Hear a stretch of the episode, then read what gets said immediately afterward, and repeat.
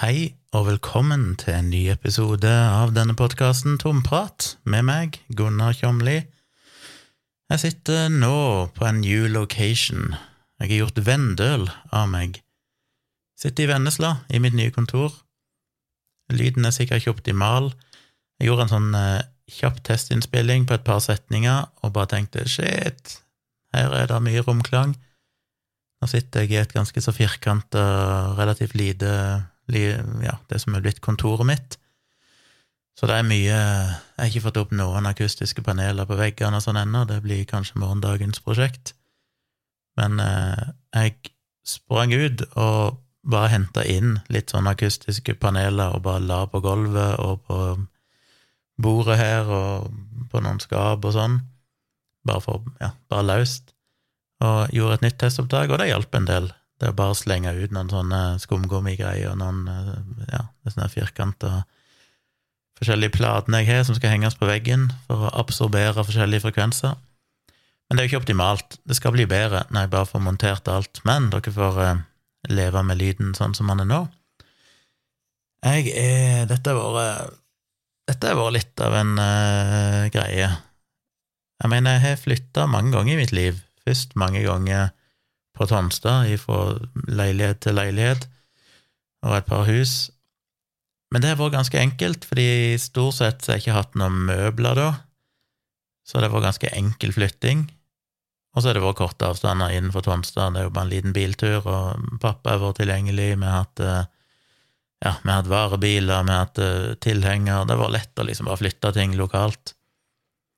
Så flytta jeg jo til Oslo i 2010, og da hadde jeg heller ikke noen møbler, så jeg bare fylte bilen min, som var en sånn liten Peugeot, eh, som jeg bare støffa helt full av eh, datautstyr og TV og klær og lydanlegg og høyttalere og alt mulig sånn. Fikk akkurat støffa alt inn i bilen, inklusiv passasjersetet framme, så det var eneste ledige plassen var vel akkurat eh, førersetet der jeg satt, og kjørte inn til Oslo midt på natta en gang. Tenkte jeg ville kjøre på natta for å ha minst mulig trafikk, så jeg tror jeg satte av gårde sånn i rundt midnatt og kjørte inn til Oslo. Og det gikk greit. Og så har jeg flytta ja, Da flytta jeg inn i en leilighet på vestkanten, opp med Smestad omtrent. Og så etter et halvt år så flytta jeg inn i en ny leilighet som var borte på ja, omtrent med Botanisk hage. Hvordan flytta jeg da? Og da lurer jeg på om jeg eh, fikk en venn av meg til å stille opp med bil men igjen, jeg hadde ikke noen møbler, sånn, så det var bare en stasjonsvogn, og så kjørte vi vel bare noen få turer fram og tilbake, det var ganske greit. Og så flytta jeg bare noen hundre meter bortover til Tøyen et år seinere, og da òg var det en eller annen venn med bil som hjalp meg, igjen uten noen møbler, kun ja, mine eiendeler ellers. Og så bodde jeg jo der i nesten ti år før meg og Tone flytta opp til Haugenstua i høsten 2019 da hadde vi heller ikke noen møbler, for det var igjen bare en, alle disse leilighetene leide jeg bare, fullt møblert.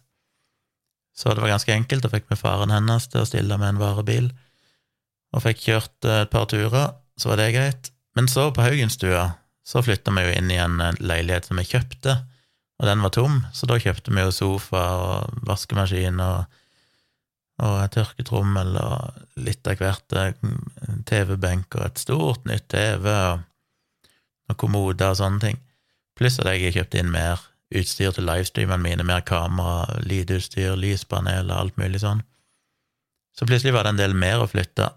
Så når vi nå skulle flytte her til Vennesla, så var det litt av en jobb. Jeg snakka litt om dette tidligere, tilbake i august, så solgte vi jo den boligen, så da måtte vi rydde ut veldig mye, for det vi skulle jo ha visning, og vi skulle ha fotografering av boligen til boligannonser og sånn.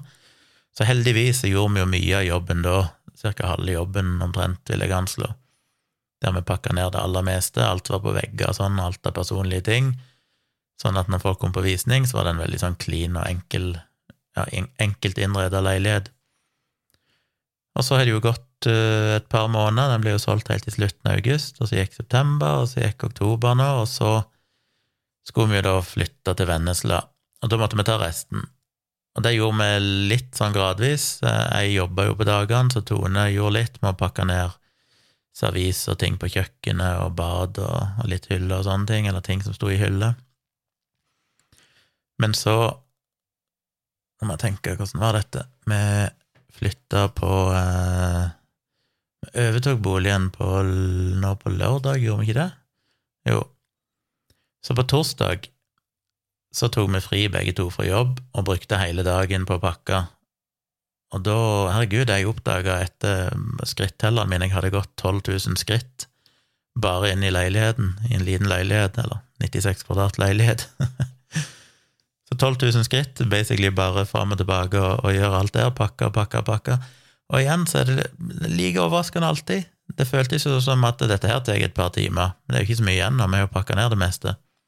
Men Jesus, det var jo en hel dag, og jeg var altså så utslitt uh, på kvelden. Uh, men hun fikk nå pakka alt, og så var det jo en prosess i forkant av det òg, som jeg snakka om tidligere, med å få tak på flyttebyrå og sånn.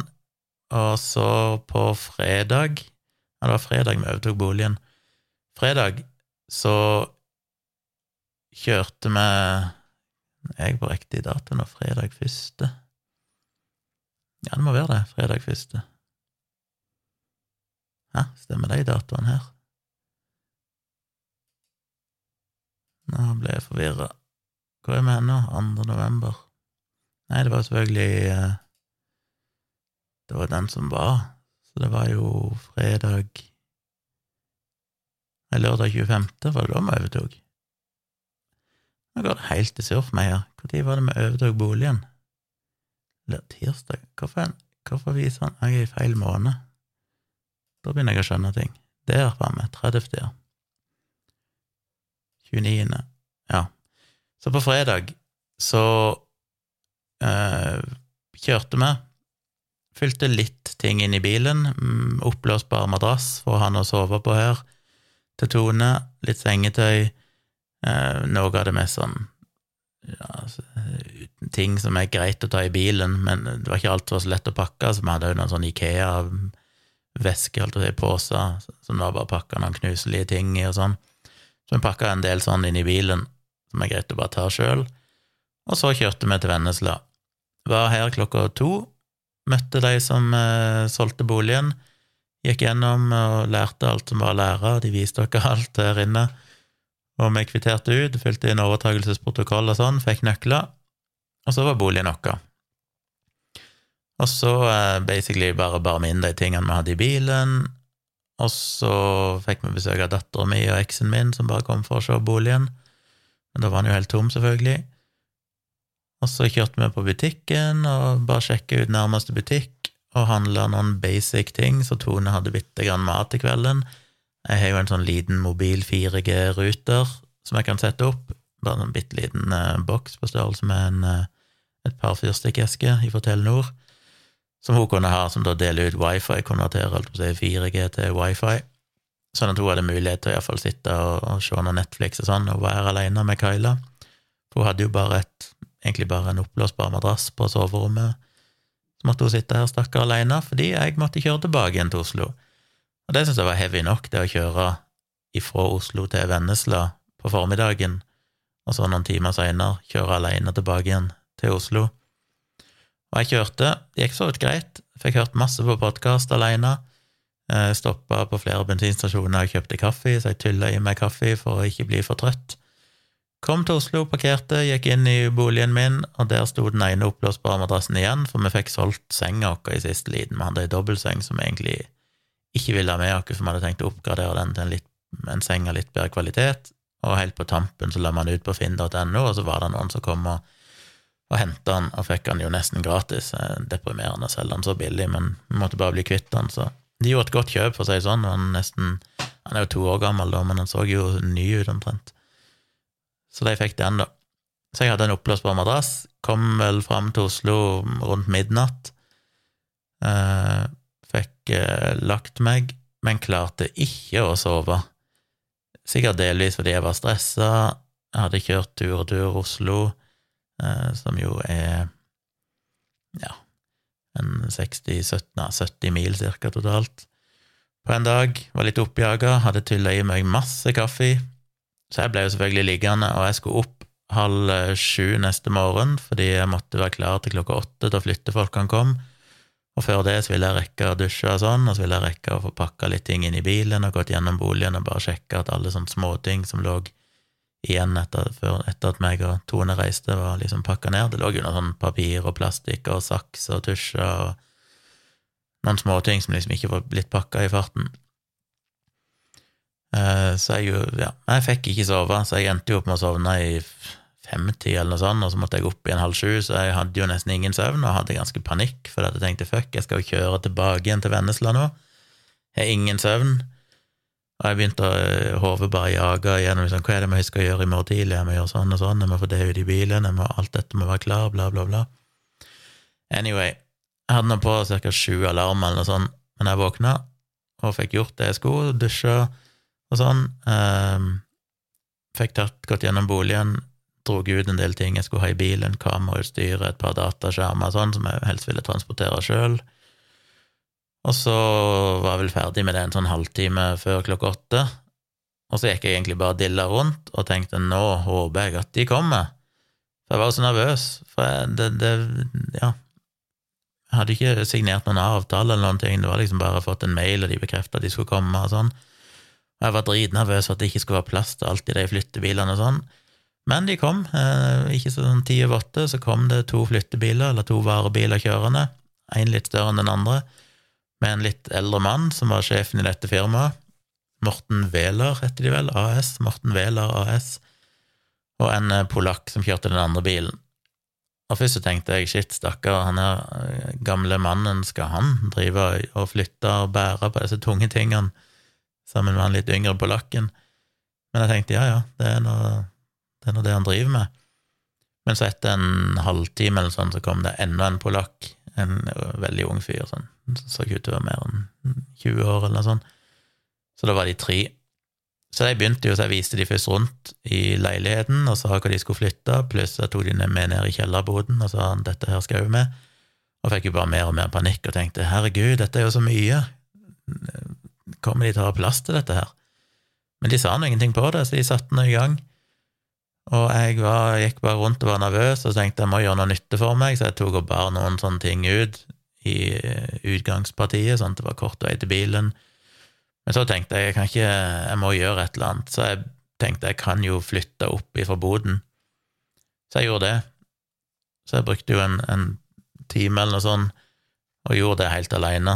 Alt som var nede i kjellerboden, flytta jeg opp, og det var en ganske heavy prosess, for da må du først bære det ut ifra boden gjennom en del dører, ut til en gang der det er en heis, så jeg måtte først liksom få ut nok til at jeg kunne fylle heisen, og så er det å tilkalle heisen og holde døra åpen, og så bære alt inn i heisen, og så opp en etasje, og så holde døra åpen og bære alt ut igjen i gangen, og så ned igjen og gjenta det. Så det ble ganske mange sånne runder, og det var ganske mye tunge kasser og tunge ting og stæsj.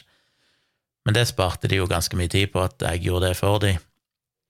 De sparte vel sikkert en, en halvtime, godt og vel tre kvarters arbeid på at jeg gjorde det. For da lå det klær ute i gangen, så det var bare for deg å bære det rett ut i bilen.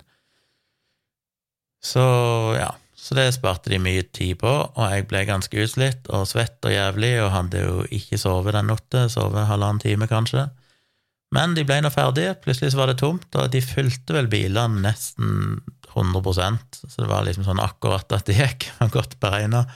Jeg hadde jo regnet ut at det var ca. sånn 35 kubikk ut ifra en sånn flytte- eller sånn volumkalkulator på nettet, der du kan legge inn alle tingene, sånn hvor mange kommoder, hvor mange vaskemaskiner, bla, bla, og så regner han ut det sånn grovt sett. Men det virker som at de har en sånn tommelfingerregel på at du omtrent kan ta en tredjedel av arealet. Så hvis boligen er på 96 kvadrat, så regner de vel med omtrent eh, ja, rundt 35-33 kubikk.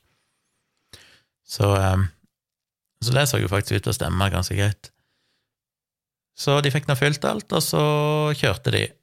Og så han der fyren, han bare kom med Må jo le litt, for det er sånn Dette var et firma som hevder at de har drevet med flytting i over 20 år, men så sa han liksom før de kjørte at ja, her eh, kan du bare overføre penger til denne kontoen. Og så ga han meg et A4-ark som så ut som det var Det sto bare et kontonummer oppi hjørnet, og så sto det et par linjer med tekst. Eh, ja, egentlig bare sånn flytting, altså prisen. Og det så ut som det var enten skrevet på en skrivemaskin eller en sånn 24-nålers eller 9-nålers eh, printer fra 1980. Så det var jo ja, merkelig greie at det er liksom sånn etablert firma, altså er det så amatørmessig på et vis. Så jeg satt nå bare i bilen og de kjørte, og så bare overførte jeg pengene til kontoen deres via nettbankappen, og så kjørte jeg òg. Og så ante jeg ikke hvordan jeg lå an i forhold til dem. Jeg regna jo med at jeg kom til å kjøre en del fortere enn dem, for de hadde jo to svære flyttebiler, og jeg kjørte jo bare i en Tesla. Eh, men jeg måtte jo stoppe underveis for å lade en 20 eh, minutter cirka, for jeg hadde ikke helt fullt batteri når jeg kjørte. Um, men jeg var usikker på når jeg kom, og Tone var litt sånn stressa, for hun hadde helst lyst til jeg skulle være der når de kom, for hun visste ikke helt hvordan skulle Hvis jeg kom før meg, hvordan skulle hun dirigere de til å, å, å, plassere ting riktig og sånn. Og jeg ante ikke hvor de lå an i løypa, men eh, da jeg til slutt kom fram etter jeg kjørt, og da igjen, da hadde jeg kjørt tur og tur dagen før, og så tilbake igjen til Vennesla dagen etterpå, så det ble mye kjøring, og jeg hadde lite søvn. Men jeg klarte meg egentlig greit. Jeg fant ut at hvis jeg eh, hørte på musikk heller en podkast, var det lettere å holde seg vågen våken og oppvakt. Så turen gikk egentlig ganske greit. Det var fint med en pause for å lade, der jeg fikk eh, kjøpt meg noe og tygge på noe cola og kaffe og sånne ting. Og så kom jeg fram, og da hadde de akkurat kommet, ja, ikke, de kom kanskje et kvarter før meg, eller noe sånt. Så da var det jo bare å begynne å dirigere de, og vi har jo en bolig på tre etasjer, så noe skulle inn i nederste etasje på bakkenivå, noe skulle inn i andre etasje, som er ei litt sånn lang, utvendig trapp opp. Og så er det tredje etasjen, og det er jo det som er vårt dilemma, for i denne boligen, fra andre til tredje etasje, så er det bare én vei, og det er en innvendig sånn eh, Hva heter det? Svingtrapp, sirkeltrapp, eh, ja, sånn som går rundt. Og den er veldig smal, så det er jo nesten ingenting du får opp der. Og du kan ikke gjøre de for utsida, fordi at eh, det er en terrasse i tredje etasje, men der er det helt avsperra på den ene sida, det er bare fjellvegg og, og, vegg som de har bygd, så der kommer du ikke opp uten å bruke heisekran eventuelt. På baksida er det en ganske bratt fjellvegg opp, så der går det ikke an å komme. Og på den andre sida av terrassen mot naboen, for det er jo en sånn vertikaldelt bolig, der vi har en nabo som er på sida, i, i liksom andre halvdel av bygget. Og der er det bygd en sånn to meter, ja, to ja, Hva høy er han? Kanskje 220-230 meter høy vegg uten noe dør i. Så vi hadde jo, det visste vi kom til å bli et problem, for vi måtte ha sofaen inn i stua i tredje etasje.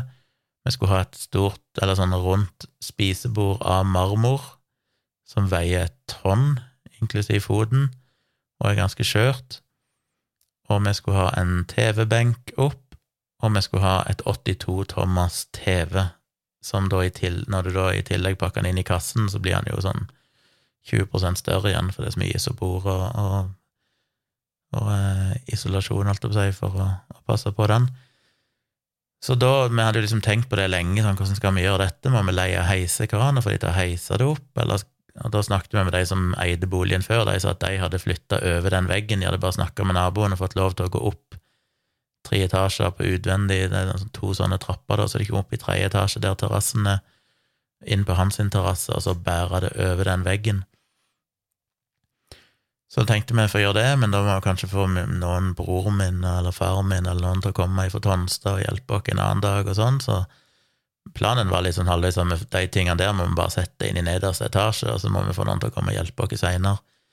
Men så var jeg så keen på å få gjort dette, og de var jo tre mann der, og jeg tenkte sånn, nå har vi jo tre sterke menn pluss meg, så hvorfor kan jeg ikke få de til å gjøre det? Men så følte jeg at de var såpass billige i utgangspunktet.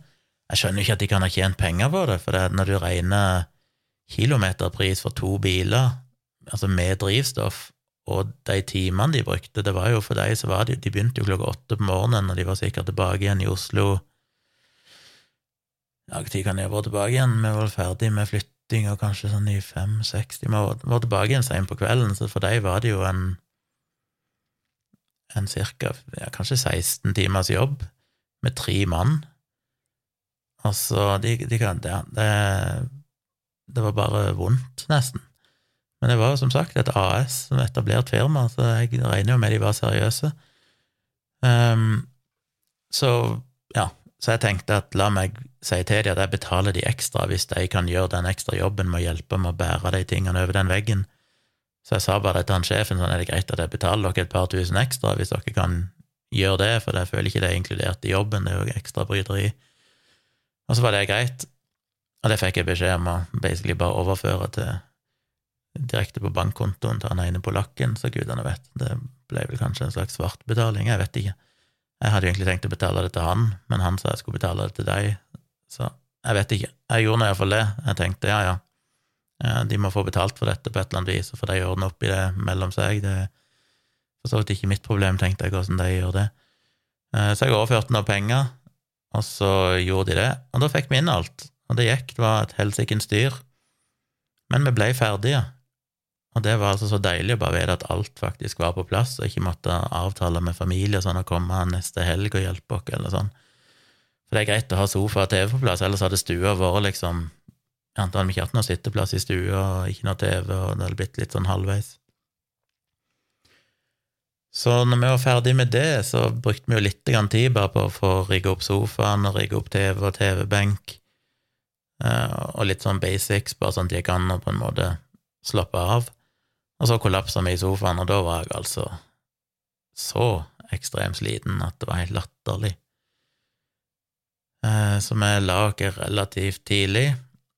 Jeg har jo som sagt to sånne Claes Olsson luftmadrasser som vi sov på, og jeg sov altså som en eh, stein ganske lenge. Sto opp neste dag, og det var da søndag, og um, søndag og nå mandag har vi jo brukt bare på å egentlig rigge ting på plass, og det er altså så mye jobb, det òg. For det er altså bare kasser overalt, og det er vanskelig å vite hvor du skal begynne hen. Fordi du får ikke gjort noe før du har fått fjerna ting, men du får ikke fjerna ting før du har gjort noe. Så du må liksom bare begynne i en ende og prøve sånn gradvis pusle, ta ting ut av kassa, prøve å finne ut hva det skal være hen, og sånn. Og så er det mye som må gjennomtenkes. Jeg hadde jo rigga opp kontoret mitt her inne i går, men fant ut at fuck, dette her funker ikke. Det blir feil, liksom. Skjermene kommer på feil plass. Det er jo to dataskjermer, jeg får ikke plass til høyttalerne mine.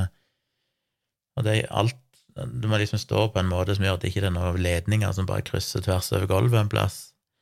Jeg har jo et rack med lydutstyr som må være i nær, nærheten av datamaskinen, sånn at jeg kan få kablene til å rekke, og ja, Det er så mye som skal liksom på plass her, som jeg så vil jeg òg kunne bruke dette til podkaststudio, så jeg måtte få plass to mikrofoner og en mulighet til at det kan sitte en ekstra person her inne, som jeg kan se på hverandre når vi spiller inn Virkelig grusomt-podkasten, for eksempel. Eller hvis jeg får en gjest. Jeg har lyst til å få Preben Aavitsland. Jeg sendte han en melding på Twitter om han hadde lyst til å være med, for han bor jo her i Kristiansand. Ta en liten prat om pandemi og sånn med han eh, en dag. Så håper han sier ja til det. Da kan jo han bare komme her på besøk og sitte i studio her, så kan vi ta praten face to face. Så jeg hadde lyst til å få det til. Så i dag så måtte jeg gjøre det, jeg måtte ommøblere hele kontoret her, og eh, det tok så lang tid, for jeg ble satt bare og kikka ut i lufta og prøvde å sånn mentalt innrede kontoret i tre dimensjoner. Sjonglere alle tingene, og bare si sånn hvis den er der og rotert sånn, da kan den stå der, og så Og til slutt så fant jeg en løsning som jeg faktisk er fornøyd med, som funker her inne. Så det, det var en lettelse. Men det gikk eh, vel mye tid til det. Jeg hadde egentlig tenkt å få kommet videre med For jeg har liksom et kontor her inne, altså på utsida er det et oppholdsrom med kjøkken og bad, for det er jo egentlig vår en egen leilighet her nede som har vært utleid tidligere. Eh, og det var jo en sånn lita trapp som skiller denne underetasjen, som egentlig er en separat bolig, ifra de to andre, eller opp til andre etasje, men den har jo vært sperra av, som sagt, for det er de forrige som eide her, leide ut denne. Men det har vi åpna opp igjen, og så er alt av sånn gelender til den bitte lille trappa. Er verdens mest livsfarlige trapp som går opp, spesielt fordi det ikke har vært noe gelender der. Men det er gelenderet må monteres, og det er sånn masse sånn ledd og stenger og vaiere som skal få oss på plass. Og vi har ikke noen bruksanvisning, vi bare fant alt inn i en bod. Så jeg drev på med i flere timer i går, og fikk til slutt fant ut hvordan ting hang sammen, og fikk skrudd på plass ting, og så oppdager vi fuck, vi har skrudd alle stengene feil vei, sånn at de veierne ikke rakk fordi de kom på feil side. Da ble de for korte til helt ifra bunnen til toppen. Og da måtte jo alt løsne, så det var en satans jobb. Så da bare ga vi opp halvveis og tenkte vi får fortsette med dette seinere. Så nå er det sånn halvveis montert uh, gelender der som vingler, som er livsfarlig å ta i pluss et hull i gulvet uten noe lender rundt noen skillevegg, så hvis ikke du ser hvor du går så detter du tre meter rett ned i bakken og knekker sannsynligvis nakken. Så det er litt sånn risky. Det må vi få ferdig i morgen, få plassert opp eh, gelender og en sånn skillevegg som skal stå rundt det hullet nede i gulvet. Så det har vært mye å gjøre. Så tok vi oss en tur ut på Sørlandssenteret i dag, for i dag har jeg notert og notert i en sånn uh, to do-liste i Evernote med alt som jeg må kjøpe. For det er mye småting som skal på plass. Vi oppdaga jo for eksempel at det var et kjøleskap her nede i underetasjen. Den hadde de jo tatt med seg, det hadde ikke megleren sagt noe om. Um, så plutselig måtte jeg, må vi jo kjøpe et kjøleskap å ha her nede, og litt sånn. Så vi reiste ut på Sørlandssenteret, og Jesus, Sørlandssenteret, eller Sørlandsparken, er fantastisk.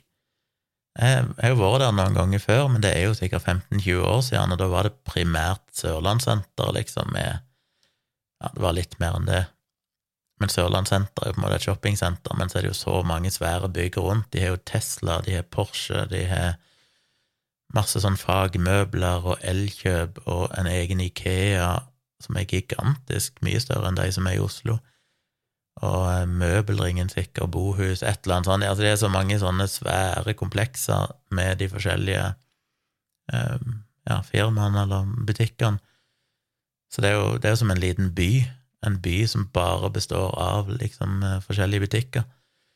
Som jo ikke er så populært i Kristiansand, sikkert, fordi at hele butikklivet i selve Kristiansand sentrum er jo nesten dødd ut, fordi alt er jo flyttet ut på Sørlandssenteret, eller Sørlandsparken.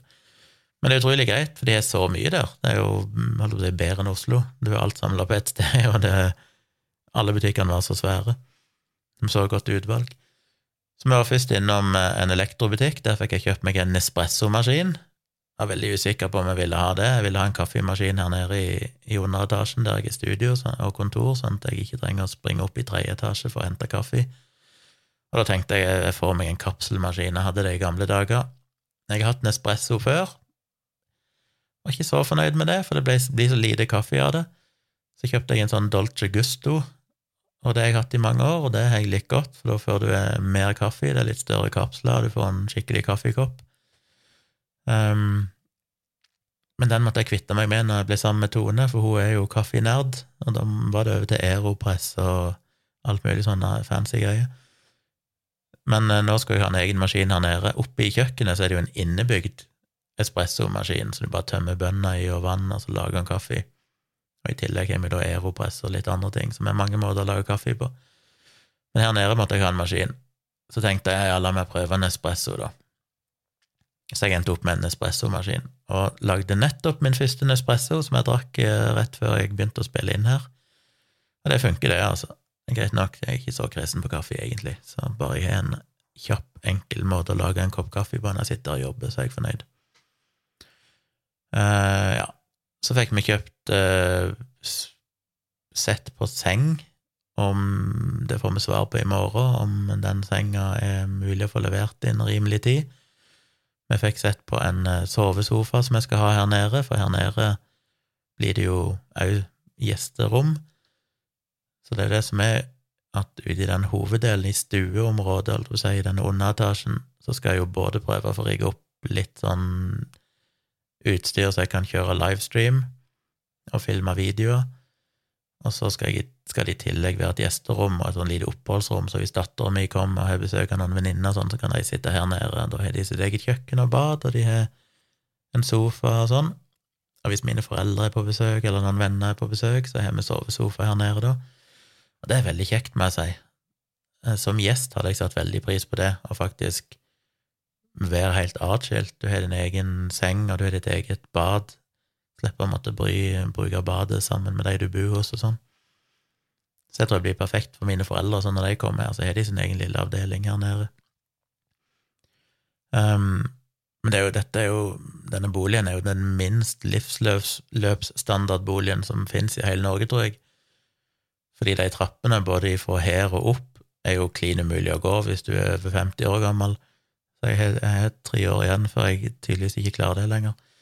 Og trappa fra andre til tredje etasje er jo, den er jo en del bredere og, og, enklere å gå i, men, men hvis du er litt skrøpelig til så er ikke den heller enkel å gå i, og bare den trappa utenfor, opp til hovedinngangen, som er i andre etasje, er jo for så vidt en helt grei trapp, brei og vanlig trapp, men den er ganske lang, og det kan jo være krevende òg hvis du begynner å bli gammel. Så um, det er en bolig for unge folk, dette her. Det er helt klart. Eh, hvor var jeg hen? Jo, så var vi innom Ikea og fikk kjøpt Det er utrolig hvor mye du må ha. Jeg måtte jo ha et sånn eget eh, servis, måtte ha noe glass og kopper og tallerkener og sånn til det kjøkkenet her nede. Eh, litt ting til badet, måtte ha noen nye håndklær, sånn kjøkkenhåndklær Ja, masse sånne småting som må på plass. Eh, vi må jo ha en liten TV-benk til det ekstra TV vi har på soverommet. Ja, vi har TV på soverommet, det er veldig luksus. Men jeg hadde jo TV før, og så kjøpte vi jo nytt når jeg ble sammen med Tone, så da har vi plutselig to TV-er, et gigantisk svært et, og et uh, som jeg fortsatt syns er stort, egentlig. Jeg vet ikke hvor stort det er. 50 eh, tommer, et eller annet, som for meg føles stort ennå, men det er liksom blitt ekstra-TV som er på soverommet. Så jeg skal ha en liten eh, benk eller kommode som det kan stå på, som det òg kan ha litt klær i. Og så må vi ha noen knagger hyller ekstra lagringsplass, vi må ha noen flere kommoder og sånne ting, så det skal vi vel bestille på nettet, bare bestille for levert. Men jeg fikk, det, jeg fikk funnet et kjøleskap med fryseboks, for det er en veldig liten fryseboks i det kjøleskapet oppe i hovedkjøkkenet, selv om det har isbitmaskin, som jeg syns er helt luksus, kan bare gå og ta med is hele tida.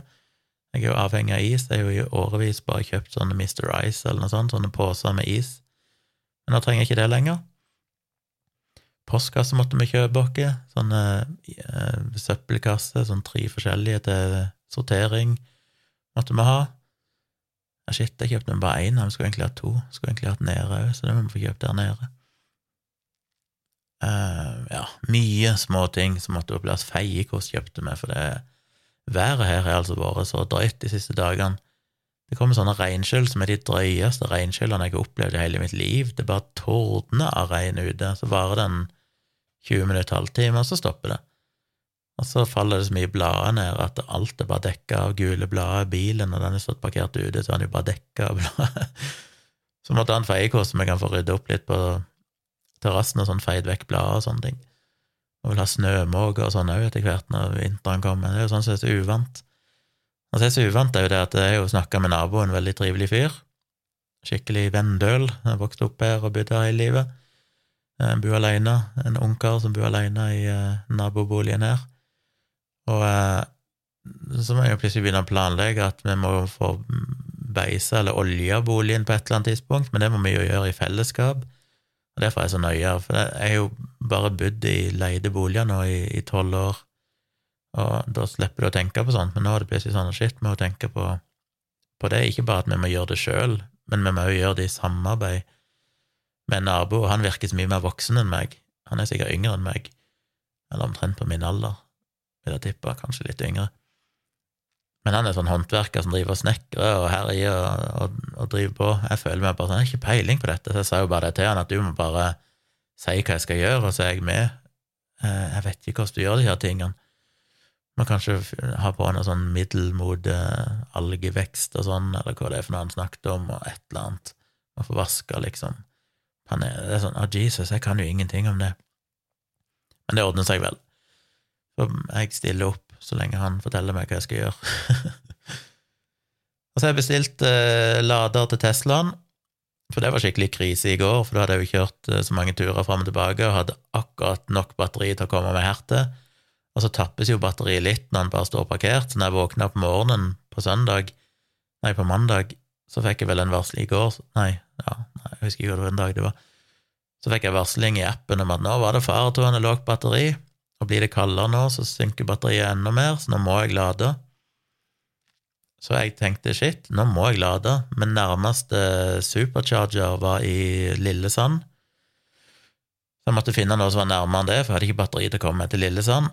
Og først så prøvde jeg å lade bare i stikkontakter med en sånn utendørs stikkontakt, men da gikk jo sikringen her med en gang, så det var jo et dårlig tegn. Så det gikk heller ikke. Eh, og det er jo drittregt, da bruker den jo sånn 30 timer eller sånn på å lade opp batteriet, men det var nå greit nok, jeg trengte bare å lade litt, så jeg hadde trengt noen timer.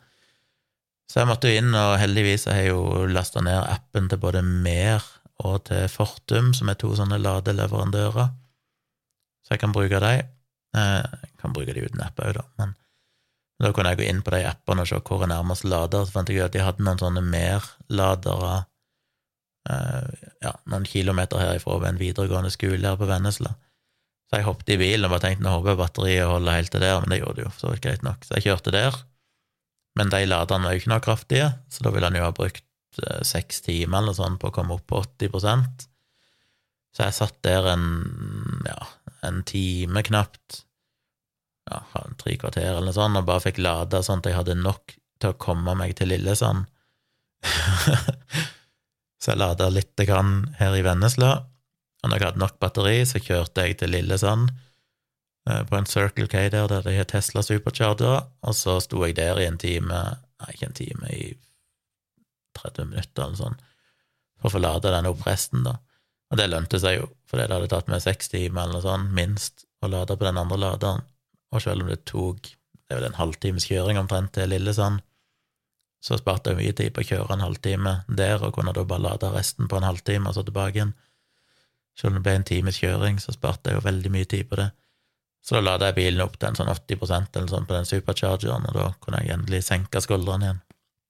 Kom hjem, og så var det fortsette å rigge på plass ting. Men vi er langt unna å være ferdige, det har tatt mye lengre tid enn jeg trodde, fordi det er mye vi ikke får på plass egentlig før vi har fått kommoder og sånn, og ja, det er, liksom, det er så mye som avhenger av andre ting, så dette er nok et prosjekt som kommer til å vare ei stund før vi liksom er ting på plass, men jeg håper i morgen at jeg kan få rydda gulvet her ute i, i stua her i nedre etasje, sånn at, at jeg kanskje kan få på plass ting og kjøre en livestream tirsdag kveld, min første livestream er for Vennesla. Hvis ikke det går, så kan jeg uansett sitte her på kontoret og ta en livestream bare for kontoret mitt. Det er ikke så fancy med lys og sånn, men det duger jo. Så det blir nok en livestream. Jeg føler jeg må ha en livestream i morgen. Og så er Tone bursdag òg. 2. november. Og det får vi egentlig ikke feire. Jeg har bestilt en eh, gave. Jeg kan ikke si hva det er, for hun hører på podkasten her. Men jeg har bestilt en gave som jeg skal få levert fra utlandet. Og den håpet jeg skulle komme tidsnok, men det gjorde han selvfølgelig ikke, så da tenker jeg Og det er liksom vanskelig å få feire her nå, for vi er jo bare sånn halvveis inn i boligen, så jeg tenker vi tar en kosekveld i morgen med en skrekkfilm, og eh, Tone drikker litt vin og kjøper ikke noe god mat og sitter og chiller.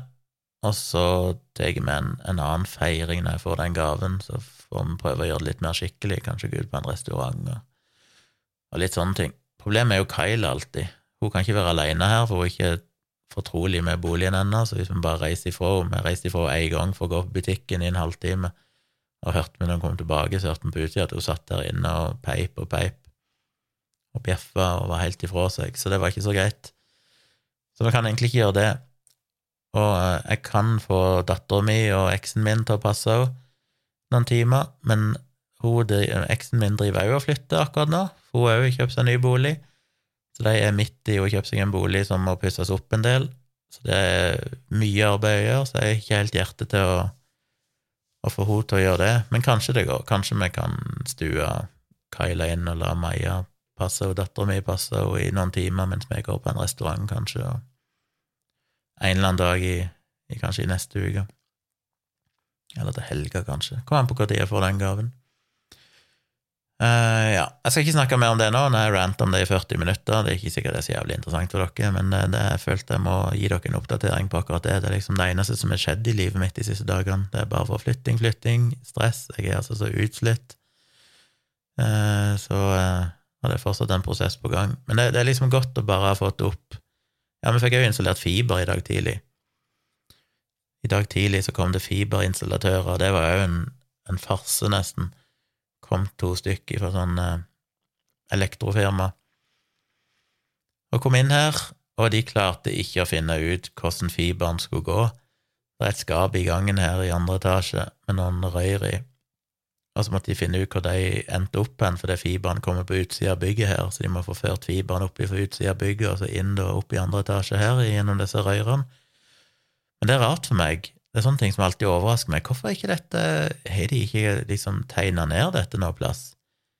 Noen har jo installert disse rørene. Hvorfor er det ingen som Det, det, det virker sånn i, i, byggebransjen, ikke sant, når du er noen Du er rørlegger, du er elektriker, du er de som bygger, og det kan skje over flere år, og det er jo ingen som har oversikt over ting, så hver gang så må jo bare folk prøve å finne ut hvordan ting henger sammen. Så det tok jo en god time, tror jeg, før de i det hele tatt klarte å finne ut hvordan ting hang sammen. Og plutselig de fant de, og så har de en sånn trekkesnor som de da dytta inn i et røyr her oppe, og dytta inn 30 meter, og den kom ikke ut noen, noen plass. Så da lurte de på om han kanskje kom ut i naboboligen, så jeg måtte jo ringe til han stakkars naboen, og så måtte jeg få han til å komme ifra jobben. Jeg føler meg jo så dum. Kjenner han jo knapt. Og så var jeg sånn, du, kan du være så snill å komme, for det de er her nå. Jeg bestilte de for to måneder siden, og nå er de her, og jeg tør ikke liksom satse på at de skal komme tilbake igjen, og jeg trenger internett for å få jobbe og sånne ting. Men han, var, han er jo superhyggelig, så han ja da, det var ikke noe problem, han skulle komme. Selvfølgelig, akkurat idet han kjørte inn her, så hadde de funnet ut av det, så da måtte jeg bare si du, nå trenger vi deg ikke allikevel. Men da tok han seg en liten pause der, og så sto vi og prata litt, og så kjørte han tilbake til jobb etterpå. Så eh, ja, så de fant ut av det til slutt. Problemet var at den trekkesnor de hadde dytta inn, den hadde jo da tydeligvis kommet ut et eller annet sted som vi fortsatt ikke vet hvor er hen, og da sannsynligvis vikla seg fast i noe. så de fikk han ikke ut igjen. Så jeg tror de endte opp med å måtte bare kutte den trekkesnora med 30 meter snor inn i et rør som ingen vet hvor ender opp hen. Så det var jo ganske Det er sånn som fascinerer meg, at det er så amatørmessig på et vis, men det er jo ikke mitt problem. De fikk iallfall koble opp fiberen til slutt. Jeg trodde det skulle være en ganske rask jobb, men de brukte jo to og en halv, tre timer på det før de endelig var ferdig med det. Og så fikk jeg, når de hadde da fått verifisert at internett funka, så de setter jo inn en sånn boks med en switch og en eh, med wifi, men jeg bruker jo aldri det jeg får levert fra leverandøren. Jeg har jo et sånn eh, sett med tre Asus-rutere som kan settes opp i sånn mesh-nettverk, sånn at du setter opp en hoved-wifi, og så fungerer de to andre som repeatere på en måte for å få bedre dekning. Så jeg satte jo bare den ruteren de leverte, i sånn bridge mode, som betyr at de egentlig bare sender trafikken rett gjennom den uten at den gjør noen ting sjøl, og så videre inn til min wifi-ruter. Og så plasserte jeg en wifi-boks i hver etasje, og så satte de opp i sånn nettverk, sånn at de kommuniserer med hverandre. Så det tok òg litt tid. Så det er mye som måtte ordnes, men det er, liksom, det er så godt å ha det på plass. Nå er det god internett her i alle rom, sjøl om jeg når jeg, jeg har allerede snakka med elektriker, så jeg skal få en elektriker til å komme så fort jeg får levert den der eh, Tesla-laderen. Jeg vet ikke hvor lang leveringstid det er på dem, men jeg har fått bestilt den. Når den dukker opp, så må jeg ringe elektriker og så avtale at de skal komme her og installere den Tesla-laderen. Det blir jo spennende å se, for jeg aner ikke hvilken kapasitet det er i, nettet her. Jeg skjønner meg ikke på sånt, så vi får jo se hvilken hastighet hastighet den opp med å kunne lade på.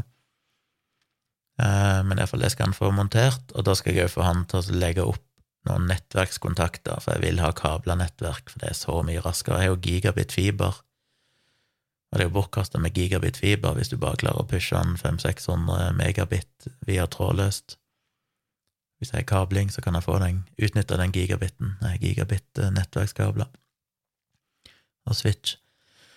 Så jeg skal ha noen nettverkspunkter rundt forbi i etasjene her, pluss at vi må ha noen nye strømuttak og sånn, og litt sånn småting jeg skal få elektrikeren til å ordne når han kommer, så jeg vet ikke når det blir, men inntil videre så går det greit med, med wifi. Det er jo noen hundre megabit uansett, og det er mer enn nok til streaming og alt som er. Grunnen til at jeg trenger så rask internett, er at hvis jeg redigerer en video, for eksempel, så kan fort det bli en terabyte med data. Og jeg har backup til clouden. Jeg har backup lokalt òg, men jeg har jo backup til clouden. Eh, en tjeneste som heter Backplace, der du betaler fem eller seks dollar i måneden, og så kan du lage ubegrensa med data. Men det er jo ikke en skyløsning, det er ikke sånn som Dropbox og sånn, der dataen ligger evig. Det er kun en backup-løsning. Så alle filer som man har tilgang til, blir liggende i 30 dager. Men hvis du sletter ei fil, eller du kobler fra en ekstern disk eller noe sånt, så ligger de i clouden i 30 dager, men hvis ikke han finner de lokalt lenger, så forsvinner de fra clouden òg. Så det er må måte bare en speiling av de dataene som er tilgjengelig lokalt. Men det er godt å ha, for da har jeg alt av dataene mine, iallfall i 30 dager, liggende i, uh, i clouden. Men det er jo så mye data at hvis jeg da skulle miste en disk, for eksempel, og miste to terabyte med data, eller ja, mer enn det er jo noen disker her på åtte terabyte og sånn eh, Nå er jo de speila, så det skal mye til å miste de. Men da nytter det ikke å begynne å laste ned igjen det. Det vil jo ta evigheter. Men da kan du bestille det fra Backblaze, at de basically kopierer dataene ut på en disk, og så sender de den disken i posten til deg. Jeg vet ikke hvor lang tid det tar. Kan være det tar enda lengre tid, for de må vel sende de for USA eller noe sånt, så håper jeg slipper å måtte forholde meg til det. Men det er grunnen til at jeg trenger rask nett, og du merker ganske stor forskjell på ja, 500 megabit og 1 gigabit. Da får du overført dataen omtrent dobbelt så raskt. Det merker jeg, for hvis, hvis jeg har laga en video til YouTube som er noen hundre gigabyte med rådata, og så skal den drive og synke det til clouden backup, så kan det ta ganske lang tid, og det vil jeg jo helst skal skje relativt fort. Pluss at når du laster opp YouTube-videoer sånn til YouTube, så er det jo greit at det skjer fort, selv om de filene som regel bare er en to, tre, fire gigabyte. Så det går relativt radig uansett. Um, men ja. Så basicene er på plass. Jeg har internett, kontoret mitt er klart, minus akustiske paneler for å få litt bedre lyd her inne. Uh, ja, så ting ordner seg. Jeg tror det var alt jeg hadde å si om flytting så langt. Um, det blir nok en tour her på et eller annet tidspunkt. Tipper Tone sikkert lager en video når alt er klart. Dere får sjekke ut hvis dere lurer på hvordan det ender opp med å se ut her. Men jeg har òg fått en eh, Det er fortsatt travelt, fordi neste uke, neste lørdag, så skal jo de som har kjøpt boligen i Oslo, overta den. Og før det må vi få vaska ut boligen. Og alt sånt er jo plutselig veldig tungvint når vi bor i Vennesla. Og jeg skal òg fotografere på Rakataka i neste uke, og jeg skal fotografere Kafé Hansken. Jeg skal være gjest i den der Dekodet-podkasten. Eh, det skal være som sagt overtagelse av boligen. Eh, så det er i utgangspunktet det. Og så i dag fikk jeg en henvendelse, eller i går, om jeg ville delta i en paneldebatt i det gamle universitetsbygget i Oslo, der de skulle diskutere dette med sånn overgrepsregistre. Og der skal blant annet han der Aron-duden fra mannegruppa Ottar, som jo har drevet med dette nabovarslingsgreiene og vel nå sittet i fengsel og straffa for det.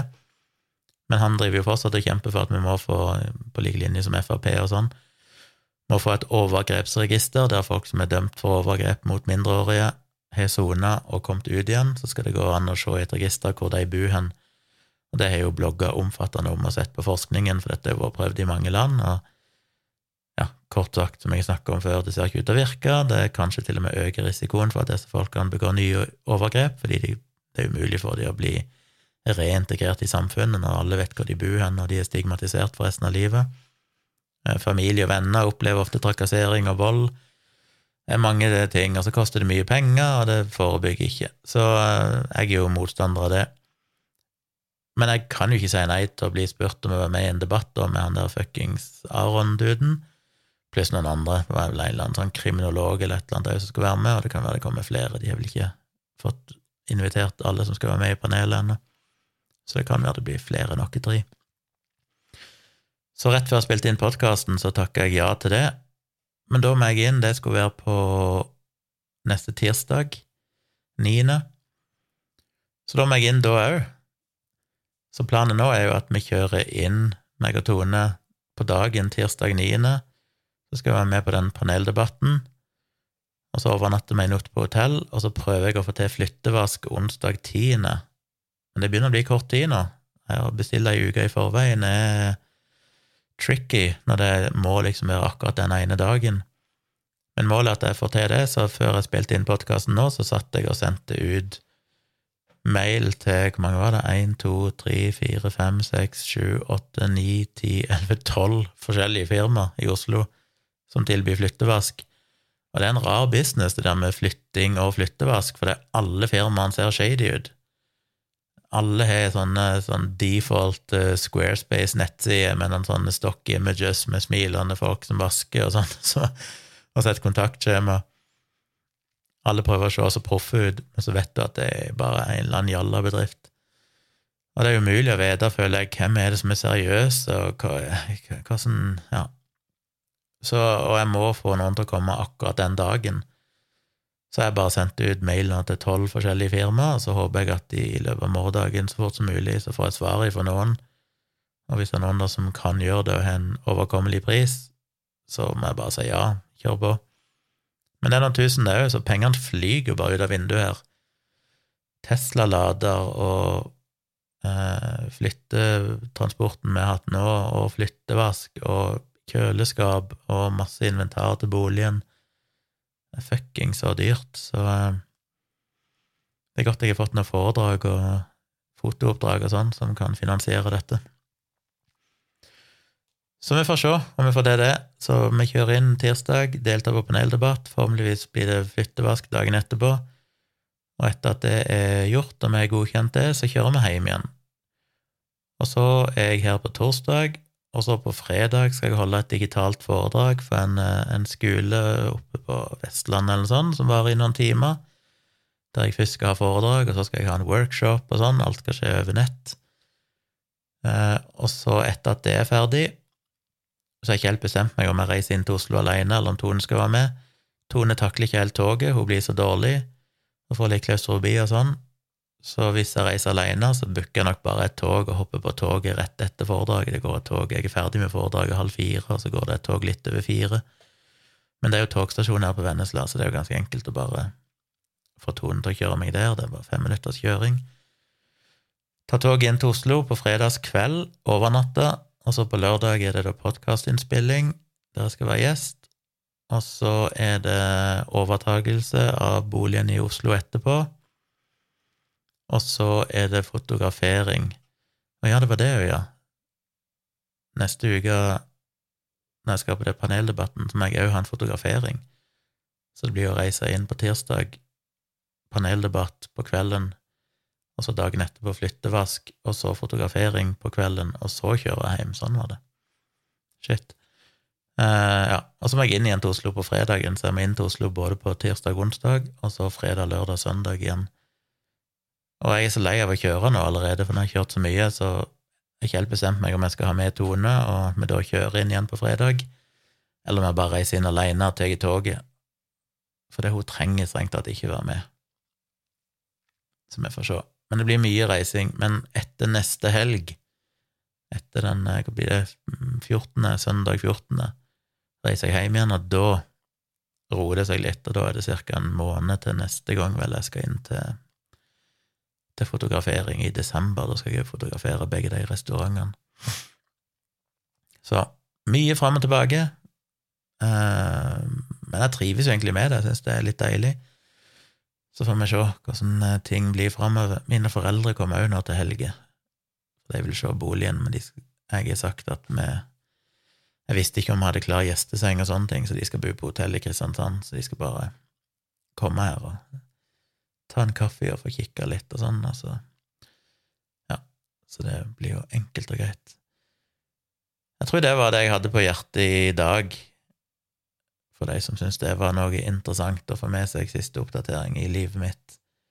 Så får jeg komme tilbake igjen til litt mer substans i fremtidige episoder når ting er gått tilbake til normalen. Men, men uh, join meg på livestreamen hvis dere har noen spørsmål og vil uh, se litt av det nye oppsettet, nye stuer eller nye ja, kjellerstua her, der jeg skal ha livestream, hvis jeg får det klart i morgen. Jeg kjører vel det klokka elleve, tipper jeg, på kvelden, så altså tirsdag 2. november klokka elleve på kvelden så blir det livestream. Jeg legger ut det på Jeg legger ut den litt tidligere, så den ligger klar ute på YouTube og Facebook og sånn. Og så eh, jeg er tilbake igjen med en ny episode av denne podkasten på fredag, og så får vi se om vi får til en ærlig talt livestream, jeg og Tone, på fredag, hvis vi har fått ting klar nok. Det tror jeg vi skal klare å få til på et eller annet vis.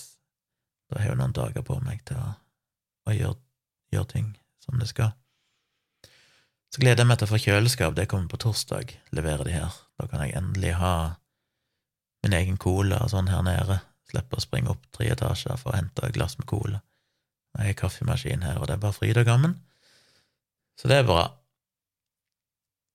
Jeg tror det var alt jeg trengte å fortelle av ting som skjer. Jeg har dårlig samvittighet, for jeg har vært så mye vekke fra jobb nå i det siste, og kommer fortsatt til å være vekke litt framover fordi det skjer ting. Men, så det er jo fortsatt halvannen uke til liksom ting går helt tilbake til normalen. Men eh, sånn er det det blir forhåpentligvis lenge til neste gang vi flytter, så folk får bare bære over med meg. Ja, da vil jeg takke for at du hørte på denne. Jeg klarte å få ut en episode i dag. Jeg var ikke sikker om jeg skulle klare det, men jeg fikk ting på plass i siste liten. Så eh, da håper jeg jeg ser dere på livestream, og ellers er jeg tilbake med en ny episode på fredag, og send meg gjerne mailer da i mellomtid, så jeg har noe å snakke om. Bruk tompratpodkast at gmail.com til å sende inn spørsmål eller tips om tema, eller Igjen, det kan være spørsmål både om personlige ting, hva jeg mener om ting, ting i livet mitt, eh, sånne ting, men det kan jo selvfølgelig være spørsmål om, eh, om ting om politikk, samfunn, vitenskap, vaksiner, pandemi, alt det som jeg liker å, å snakke om. Alternativ behandling i alle, kritisk tenking, alt dette her. Så det fyr løs med noen mailer, jeg trenger litt input ifra dere nå for å ha noe å snakke om som ikke bare handler om eh, flytting og, og styr. Så altså tompratpodkast at gmail.com er adressen. Mail i vei, folkens. Så høres vi igjen ganske så snart.